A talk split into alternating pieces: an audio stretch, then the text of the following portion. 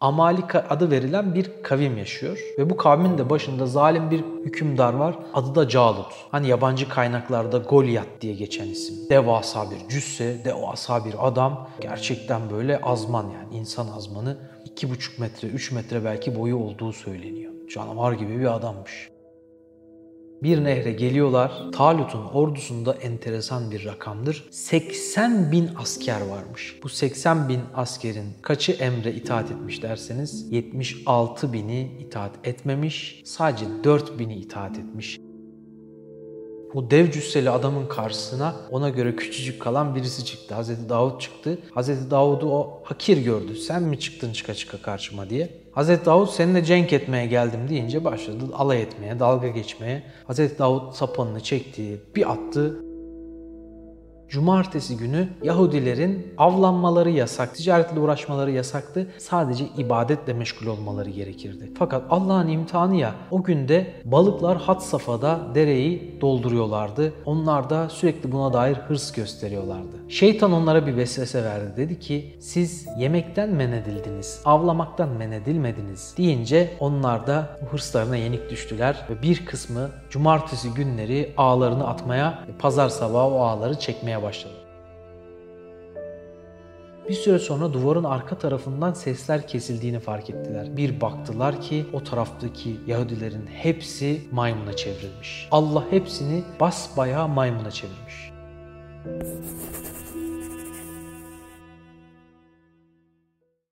Kardeşlerimize sorduk en çok hangi peygamberin hayatını anlatmamızı istersiniz diye. Daha önce zaten Hazreti Yusuf'un hikayesini anlatmıştık. Hazreti Nuh'un hikayesini anlatmıştık. Hazreti İdris'in hikayesini mesela anlatmıştık. Yakın zamanda da Hazreti İsa ve Hazreti Süleyman'ı anlattık. Şimdi kardeşlerimize sorunca abi dediler Hazreti Davud'u da merak ediyoruz. Onu da anlatır mısın? Ben de dedim ki bugün Hazreti Davud'u tanıyalım. Hazreti Davud, Hazreti Süleyman'ın babası. Hazreti Davud aleyhisselam güzel sesiyle tanınır ki ona Davudi ses denilir. O kendisine indirilmiş olan dört büyük kitaptan birisi. Zebur'un mizmarlarını okuduğu zaman ki Zebur manzum şeklindedir. Çok güzel bir tınıyla, çok güzel bir sesle okunmuş. O okurken dağlar, ağaçlar, taşlar da onunla beraber okurmuş. Hayvanlar ağaçlara inerler. indikleri ağaçlarda veya Hazreti Davud'un etrafında böyle bir zikir halkası gibi Hazreti Davud'a eşlik ederlermiş. Tabi Zebur bir takım nasihatlardan, bir takım dualardan ibarettir. Biraz ilahi gibi bir tınısı vardır. Ama Tevrat gibi şeriat ortaya koyan bir kitap değildir. Dolayısıyla Hazreti Davud,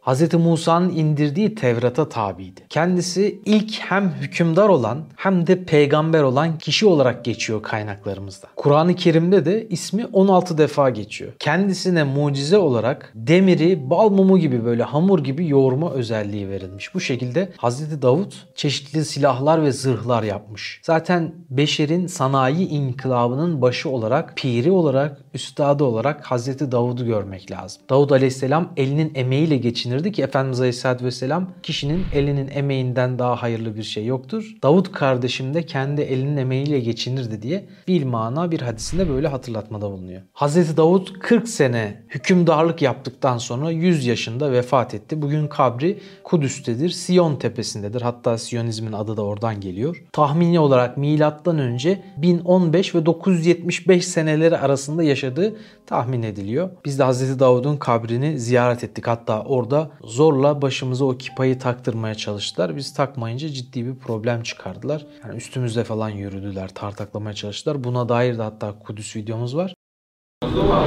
Kayıtta mısın? Arkadaşlar bize zorla kipa giydirmeye çalışıyorlar. Go out diyor, çık dışarı diyor eğer takmıyorsan diye. Bayağı hani 20 kişiye falan yürüyor adam. Bizim mekanımız bu diyor. Biz de Fatiha'mızı okuduk. Takke zaten. Why you not listen? Have it your way. Ah, Shoji. Yeah, we were this. No, no. Go, go, go, go, go, go, go. Go, go, go, go.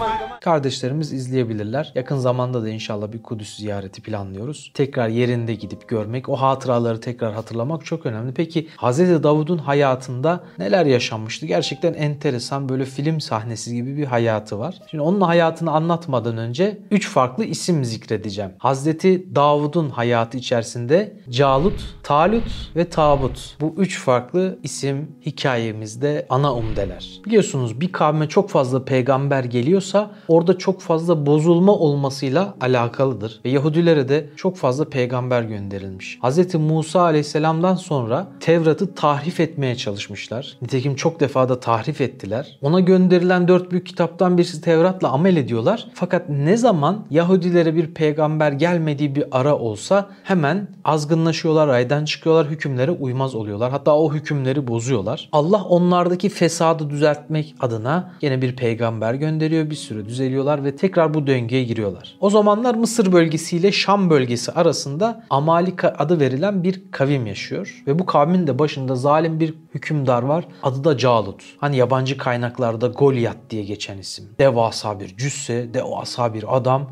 Gerçekten böyle azman yani insan azmanı 2,5 metre, 3 metre belki boyu olduğu söyleniyor canavar gibi bir adammış. Belki abartı payı da vardır. O dönemlerde Yahudi kavmi böyle bozgunculuğa döndüğü için, ahlaki olarak ifsada uğradıkları için Allah da zalimleri onların başına musallat kılıyor ki zalimler Allah'ın kılıcıdır. Önce onunla cezalandırır sonra döner onu cezalandırır. Yani hiçbir şey kaderden sebepsiz gelmez. Allah da Calut'u İsrailoğullarının başına musallat ediyor. Calut İsrailoğullarını mağlup ederek kadınlarını esir alıyor, çocuklarını esir alıyor. Çok ciddi manada Yahudiler bir zulme uğruyorlar ve çok acı çekiyorlar. Bir de Kur'an'da tabut diye geçen Hz. Musa'dan kalma Tevrat'ın içinde olduğu bazı kutsal emanetlerin içinde olduğu bir sandukça, tabut şeklinde bir sandukça ki tabut kelimesi oradan geliyor. Söylenenlere göre bu Hz. Adem'den Hz. Şiit'e oradan Hz. Musa'ya kadar ulaşmış. Ne zaman İsrailoğullarının yanında bu tabut bulunsa, ordunun önüne konulsa onlar müthiş şevke gelirler, bir moral yakalarlar ve böyle savaşırlar. Gerçekten de onun manevi bir etkisinin olduğu söyleniyor. Hatta bugün bile o tabut nerede onunla ilgili ciddi bir istihbarat savaşı olduğu söylenir. Bazı komple teoricileri bu konuyu çok severler. Bunun manevi bir üstünlük alameti olduğunu ve Allah'ın yardımının o tabutu elinde tutanda olduğu söylenir. Calut bu sandığı ele geçiriyor ve hakaret olsun diye götürüyor bunu pisliğin ortasına atıyor. Yahudiler hem evlerinden hem yurtlarından olmuşlar hem kadınlarından çocuklarından hem de namus sayılabilecek bir kutsallarına da böyle olunca o zaman akılları başlarına geliyor. Çok pişman oluyorlar, çok üzülüyorlar. O yüzden en büyük gayeleri tekrar bu tağutu ele geçirmek oluyor. Alimlerimizin ifadesine göre o zamanlar yanlarında İşmoil adı verilen bir peygamber var. O peygambere gidip niyaz ediyorlar. Diyorlar ki Allah'a dua et, bize bir hükümdar göndersin ve bizi bu zilletten kurtarsın. İşmail peygamber de Allah'a niyaz ediyor ve Allah'ın emrini onlara aktarıyor. Cenab-ı Hak size diyor ki Talut sizin lideriniz olacak. Talut da hem fiziksel olarak hem zeka olarak, feraset olarak lider olmaya hakikaten en uygun kişiymiş. Fakat Yahudiler burada da itiraz ediyorlar. Her peygambere itiraz ettikleri gibi. Hani Peygamber Efendimiz Aleyhisselatü sahabeleri semi'ana ve ata'na diyorlar ya. Bunlar da semi'na ve asayna diyorlar. Yani işittik ve itaat ettik demiyorlar. İşittik ama isyan ettik diyorlar. Hani Hz. Musa'ya demişlerdi ya sen ve Rabbin gidin savaşın. O kadar mucize gördükten sonra hala daha cihad emredildiğinde böyle söylüyorlar. Talut durumunda da aynı şey oluyor. Talut hükümdar soyundan değildir diyorlar. Yani burada temel itiraz ettikleri şey İsrailoğullarından iki tane soy var. Hazreti Yakup'un iki çocuğu birisi Levi onun soyundan peygamberler gelmiş. Bir de Yahuda var onun soyundan da hep hükümdarlar gelmiş. Liderler gelmiş yöneticiler yani. Talut bu her iki soydan da olmayınca biraz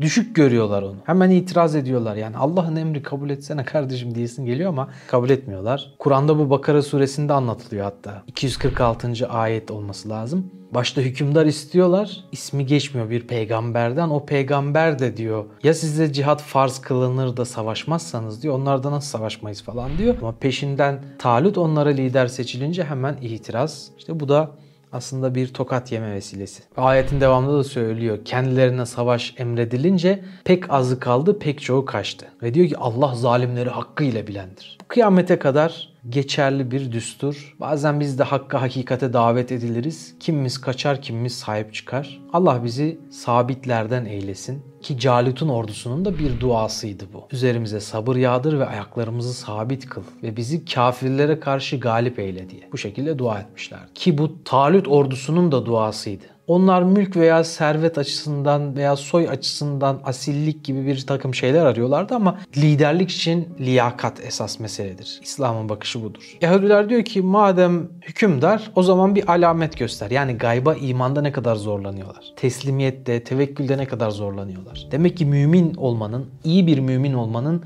en büyük önceliği bunlar. Gayba iman, Allah'a tam imanla şüphe etmeden iman etmek. Bir diğeri de teslimiyet yani. Tevekkül edebilmek, teslim olabilmek ki Hz. İbrahim'in en üstün vasıflarından diyebiliriz değil mi? Ve peygamberleri ona dedi ki diyor Kur'an, alamet tabutun onun kapısının önünde belirmesidir ki gerçekten melekler getiriyor tabutu Talut'un kapısının önüne bırakıyor ve bu alametle Talut, tabutla Calut'a Davut vesilesiyle galip geliyor. Gerçekten de o tabutta enteresan bir sır varmış. O sandık yani Allah tarafından bir sekine konulmuş ona. Enteresan da bir özelliği varmış yani. Kısacası Yahudi halkı ikna oluyor. Talut başlarında Talut ordusunu harekete geçiriyor. Calut'a doğru ailelerini, mallarını kurtarmak üzere harekete geçiyorlar. Ve Kur'an'da da bize belirtildiği üzere Talut ordusuna dönüyor. İşmal peygamberden duyduğunu ifade ediyor. Diyor ki biraz sonra bir nehirle karşılaşacağız ve Allah sizi orada imtihan edecek. Kimse bir avuç sudan fazla içmesin.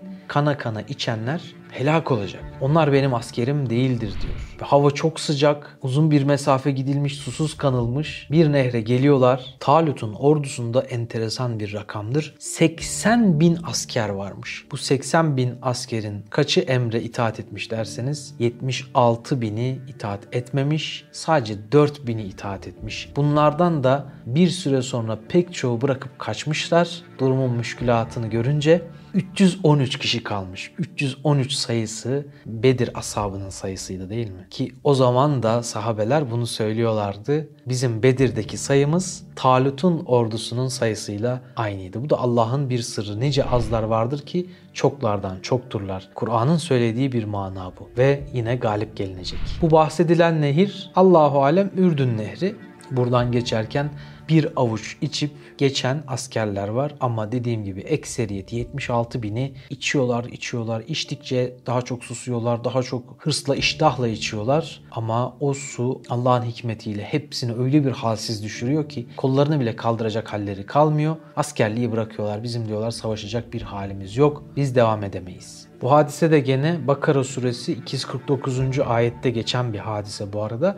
Bedir ashabının sayısı da Talut'un ordusunun sayısıyla aynı olduğu Buhari'de geçen bir rivayet. Onu sahabelerden Hazreti Bera bize anlatıyor. O orduda 313 kişi arasında Hazreti Davut da vardı. O zaman gençti tabii 30 yaşındaydı. Ama peygamber olacağına dair alametler vardı. Babasına gidip şöyle dediği mesela rivayetlerde var. Dağlar taşlar benimle beraber zikrediyor baba dediği anlatılır. Babası da onu müjdelemiş hatta bunun için. Zaten sesinin o güzelliği sayesinde de Talut'un yanına kadar yükselmiş. Ondan fazla kardeşi var. Onlarla beraber Talut'un ordusuna katılıyor ve en son kalan 313 ihlaslı samimi mümin arasında kalıyor. İşmail peygambere Calut'u öldürecek kişinin Davut olduğu söyleniyor. O da özellikle onun gelmesini sağlıyor. Onu da yanından ayırmamaya çalışıyor. Hz. Davut giderken yolda 3 tane taşın kendisiyle konuştuğunu işitiyor. Taşlar diyor ki bizi de yanında al, bizi de yanında götür. Calut'u öldürecek taşlar bizleriz diyor. O da hemen çok iyi sapan atarmış. Taş atan sapanlar vardır ya savaş için kullanılır. Bu böyle çevirerek atılanlar da vardır. Onları kullanırmış. Düşünün o zamana göre böyle mermi atar gibi bir etkisi var yakın mesafeden.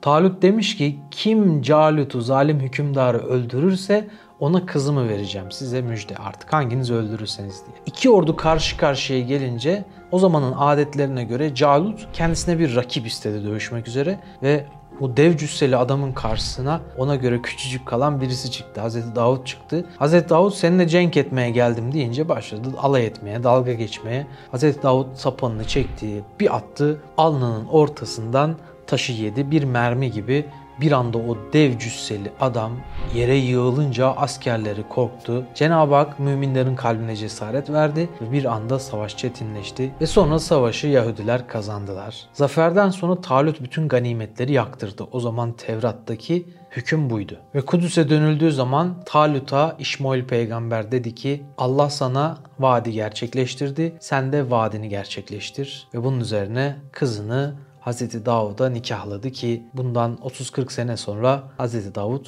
onun vefatından sonra tahta geçecek. Daha sonra da kendisine peygamberlik verilecek. Hazreti Davud aleyhisselam hükümdar olduktan sonra tebdili kıyafetle sıklıkla halk arasında dolaşırdı. Onların gidişattan memnun olup olmadıklarını anlardı, sorardı ve bütün halk ondan memnundu. Allah Hazreti Davud'a faslı hitap vermişti. Yani doğru hükmü verebilme kabiliyeti ve ona bir aynı zamanda hitabet, güzel konuşma vermişti. Aynı zamanda güzel söz söyleme vermişti. Feraset, basiret, sezgisi, öngörüsü yüksek, ileri görüşlü, hükümlerinde isabet eden birisi. Ve sözü de çok güzel kullanan, güzel konuşan ve kendisi de güzel yüzlü. Fakat bu kadar hükümranlığın içerisinde nasıl yaşadı derseniz zühd üzere yaşadı. Mesela Davut orucu diye bilinen bir oruç vardır. Amr bin As yani Arap'ın dahilerinden olarak bilinen onun oğlu Abdullah isminde çok meşhur bir sahabe efendimiz Peygamber Efendimiz Aleyhisselatü Vesselam dedi ki ben bundan sonra her gece oruç tutacağım. Peygamberimiz dedi ki böyle yapma. Bir ayın başında ortasında ve sonunda 3 gün oruç tutarsan bütün ayı oruçlu geçirmişsin gibi sevap alırsın. O da ben bundan daha fazlasını yapabilirim dedi. Öyleyse dedi bir gün oruç tut iki gün iftar yap. Ben daha fazlasını yaparım dedi. Öyleyse bir gün oruç tut bir gün tutma dedi. Bu kardeşim Davut peygamberin orucudur dedi. Peygamberimiz onun orucundan bize haber verdi. Hazreti Abdullah bunu söylediğinde gençti fakat hadisi bize aktardığı vakit yaşlılık zamanında keşke Resulullah o zaman dinleseydim. Gençken güç yetirdiğim şey yaşlılıkta güç yetirmekte çok zorlanıyorum. Keşke Resulullah'ı dinleseydim dedi. Davut Aleyhisselam vaktini dörde ayırırdı. Birinci vakitte ibadetle meşgul olurdu. İkinci vakitte hukuki ihtilafları karara bağlardı. Üçüncü vakitte halka vaaz ve nasihatta bulunurdu. Dördüncü vakitte de şahsi işlerini yapardı. Davut Aleyhisselam gecenin üçte birinde uyurdu sadece. Bu da 3-4 saat gibi düşünün. Geri kalan vaktini hep ibadetle geçirirdi. Ve Allah bir gün Davut Aleyhisselam'ı imtihan etti. Bir gün o ibadet ettiği vakitte normalde kimse gelmezdi ve kimse gelmeye cüret etmezdi. Ama Kur'an bize bu hadiseyi anlatıyor birebir. İki kişi bir anda yanında peyda oldular. Herhalde duvarları atlayarak geldiler diye düşündü ama korktu biraz, sakındı onlardan. Onlar dediler ki bizim aramızda bir hüküm var bunu çöz. Nedir dedi mesele? Dedi ki benim bir tane koyunum var. Bu arkadaşımın 99 tane koyunu var. O bir tane koyunumu alabilmek için bana baskı yaptı, bana bir şey teklif etti ve beni o işte yendi. Daha sonra o bir koynuma da el koydu. Hz. Davut Aleyhisselam bir anda hiddetlendi ve dedi ki ortaklıklar zaten genellikle böyledir. Kişi zulmeder ama Allah'a iman eden, Allah'tan korkan, salih amel işleyen bir kimse böyle yapmaz. O sana zulmetmiş dedi. Koyunun sende kalsın dedi. Ama o iki kişi bir anda gülmeye başladılar ve dönüp gittiler. Davut Aleyhisselam çok sonra fark etti ki bu Allah'ın bir imtihanıydı ve karşı tarafı dinlemesi gerekirdi. Bazen bir kimseyi biz dinleriz, haklı zannederiz ama karşı tarafa hiddet duyarız. Onu yargısız infaz yapmamamız lazım. İki tarafı da dinlememiz lazım. Belki karşı tarafın hikayesini dinleyince o zaman çok daha doğru hüküm verebiliriz. İki taraftan da hadiseye bakınca ha ikisi de haklıymış veya ha ikisi de haksızmış veya bu haklı bu haksız gibi duruyor. Biraz daha etraflıca dinleyelim, bakalım, araştıralım dersiniz. Ama tek taraflı bir kişiyi dinlemek doğru hüküm vermek için çok yanlış yönlendirmeye sebebiyet verir ve haksızlıklara sebebiyet verir. Son olarak da kavmi Sebt'ten bahsedelim. Ashab-ı Sebt, cumartesi ashabı demek. O zaman gelen hükümlere göre cumartesi günü Yahudiler Yahudilerin avlanmaları yasak, ticaretle uğraşmaları yasaktı. Sadece ibadetle meşgul olmaları gerekirdi. Fakat Allah'ın imtihanı ya o günde balıklar hat safhada dereyi dolduruyorlardı. Onlar da sürekli buna dair hırs gösteriyorlardı. Şeytan onlara bir vesvese verdi. Dedi ki siz yemekten men edildiniz, avlamaktan men edilmediniz deyince onlar da hırslarına yenik düştüler ve bir kısmı cumartesi günleri ağlarını atmaya ve pazar sabahı o ağları çekmeye başladılar. Çünkü Allah'ın hikmeti sadece cumartesi günü balıklar böyle hücum ediyordu. O zamanki Yahudiler arasında üç farklı grup vardı. Birisi bu çirkin işi yapanlar. Bile bile peygamberi kandırmaya, haşa Allah'ı kandırmaya çalışanlar. İkincisi bunu yapmayanlar ama hiçbir şekilde diğerlerini yanlışlarından döndürmek için bir gayretin içine girmeyenler. Sessiz kalanlar. Hani bir söz vardır ya haksızlık karşısında susan dilsiz şeytandır diye. Üçüncü grupta bu çirkin işi yapmayan ama insanları da uyaran uyaran, nasihatte bulunan kimseler ki bu kimseler sessiz kalanları da kınarlar, ikaz ederler. Bakın siz sustuğunuz için de tokat yersiniz. Susmamanız, sizin de ikaz etmeniz, hakka ve doğruya çağırmanız gerekir diye. Onlar da beyhude uğraşıyorsunuz, boşuna anlatmayın. Emeğinize yazık, helak olacak bir kavme nasihat mı edilir diyorlardı. O emri bil maruf yapanlar, tebliğ edenler, doğruyu anlatanlar da biz Allah katında mesul olmamak için böyle yapıyoruz diyorlardı. Demek ki vazgeçmemek lazım. Yani sen iman etmeyeceğine nereden kanaat getiriyorsun? Gene de çok imkansız da olsa doğruya çağırmaktan vazgeçmemelisin. Yanlışa yanlış demekten vazgeçmemelisin. Bir ömür bunu dile getirmekten hiç korkmadan, yılmadan vazgeçmeyerek ısrar etmelisin. Daha sonra bu salih müminler o çirkin işleri yapanlarla evlerini ayırdılar. Bakın bu da çok önemli bir durum. Araya da duvar çektiler. Onlara gelecek azaba kendileri uğramasınlar diye ki bir süre sonra duvarın arka tarafından sesler kesildiğini fark ettiler. Bir baktılar ki o taraftaki Yahudilerin hepsi maymuna çevrilmiş. Allah hepsini basbayağı maymuna çevirmiş. Ve deniliyor ki bu çirkin işi yapmadığı halde diğerlerini sakındırmayan sessiz kalanlar da onlarla beraber Allah'ın gazabına uğradı. Onlar da sırf sustukları, bildiklerini anlatmadıkları için onlar da maymuna çevrildiler, helak edildiler. Elmalı Hamdi Yazır, Hazreti Davud'un onlara lanet ettiğini söylüyor ki gerçekten tarih boyunca da pek çok peygamber ettikleri zulümler ve bazı peygamberlerin onlara ettiği lanetler de mevcut. Rabbim hepimizi hak ve hakikat üzere, istikamet üzere eylesin ve Hz. Davud gibi peygamberlerin irfanından hayatımıza dersler çıkartıp Allah'a layık bir kul olma yolunda doğru adımlar atmayı nasip eylesin. Hz. Davud Allah'ın kendisine üstünlük verdiği bir peygamberiydi ki bunu ayetinde de söylüyor. Sesi çok güzeldi, demiri böyle hamur gibi yoğururdu. Dediğimiz gibi 100 yaşında 40 sene hükmettikten, saltanat sürdükten sonra vefat etti. Kudüs'te vefat etti. Siyon tepesinde bulunuyor.